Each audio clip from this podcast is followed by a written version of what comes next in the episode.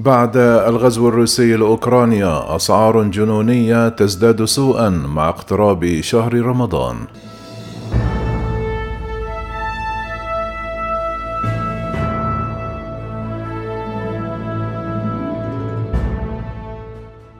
فاقم غزو روسيا لأوكرانيا أزمات الغذاء الموجودة أساسا في دول عدة في المنطقة العربية وغيرها. ورفع أسعار منتجات وسلع رئيسية. الأمر الذي يضاعف معاناة عائلات كثيرة. تجد نفسها عاجزة عن توفير كلفة موائد الإفطار الغنية بأطباقها وذلك مع اقتراب شهر رمضان المبارك. من تونس حتى الصومال يكافح السكان في الشرق الأوسط وشمال إفريقيا. من أجل تأمين قوتهم اليومي والحد الأدنى من احتياجاتهم الأساسية على وقع أزمات اقتصادية أو نزاعات تلقي بثقلها على يومياتهم.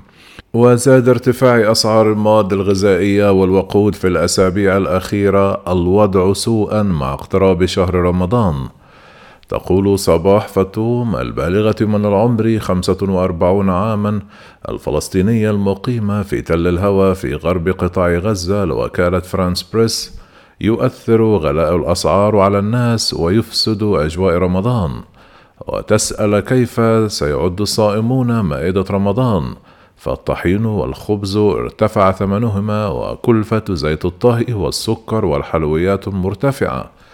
ارتفعت الأسعار وفق السلطات في القطاع بنسبة تصل إلى 11% مما جعل السكان يشعرون بحالة من الإحباط قبيل رمضان.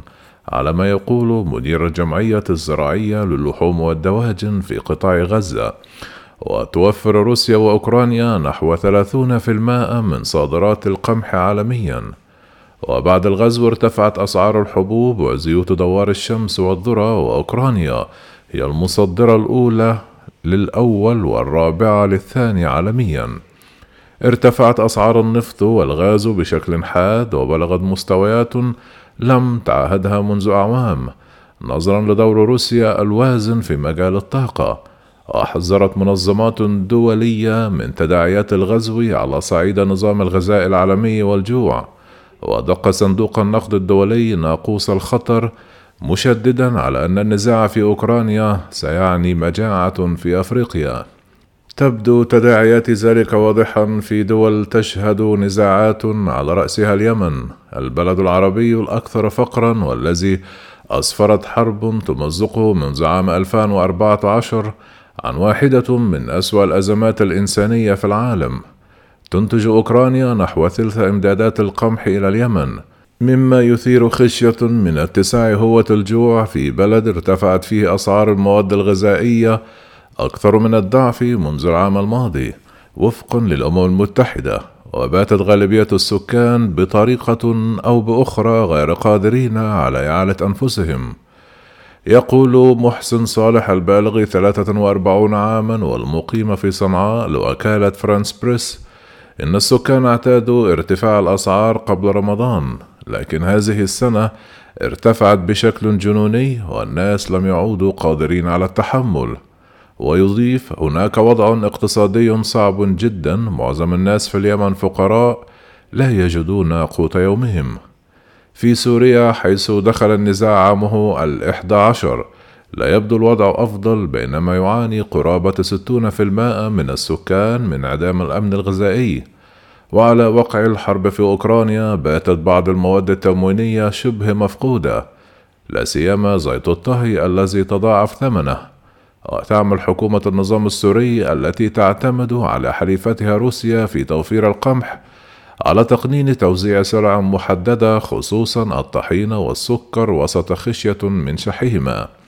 وتقول ربة منزل وكالة فرانس بريس من دمشق اعتقدت أن مائدتنا الرمضانية في السنة الماضية ستكون الأفقر على الإطلاق لكن يبدو أن هذه السنة سوف نشطب أصنافا إضافية من مائدتنا اليومية. وتتابع ليس باستطاعتنا توفير أكثر من وجبة واحدة في اليوم. وأخشى أن نعجز في المستقبل عن تأمينها.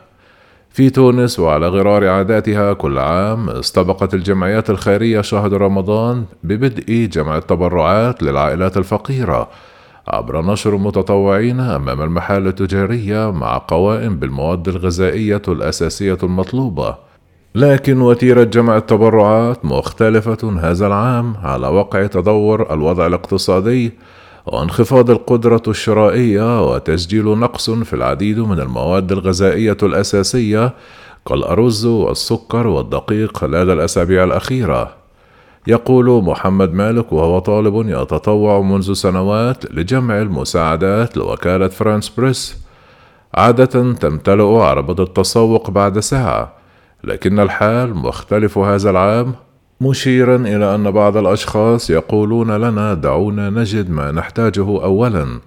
في لبنان اعتادت المنظمات الخيرية تكثيف مساعداتها للمحتاجين خلال شهر رمضان لكن الأزمة الاقتصادية التي تغرق بها البلاد قلبت الوضع راسا على عقب خصوصا بعد بات 80% من السكان تحت خط الفقر.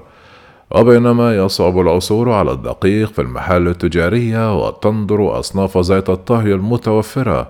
تسجل أسعار الخضار ارتفاعا غير مسبوق بات معه إعداد الفتوش وهو سلطة أساسية على مائدة رمضان طرفا لا يقوى كثر على تحمله ويرى مدير منظمة كير انترناشونال بوجار خوجة أن التضامن المتين المعتاد خلال رمضان قيد الاختبار هذا العام.